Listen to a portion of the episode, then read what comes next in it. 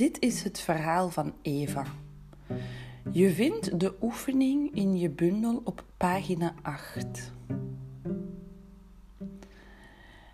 Eva is een heel klein meisje. En ze werd heel erg ziek.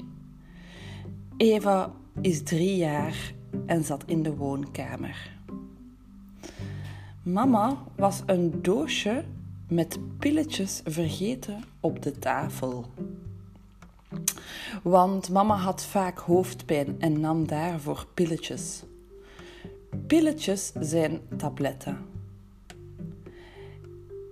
Eva dacht dat de pillen snoepjes waren en at drie pilletjes.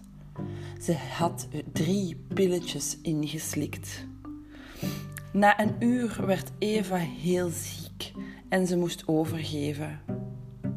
Mama was heel bang en ze zijn direct naar het ziekenhuis gegaan.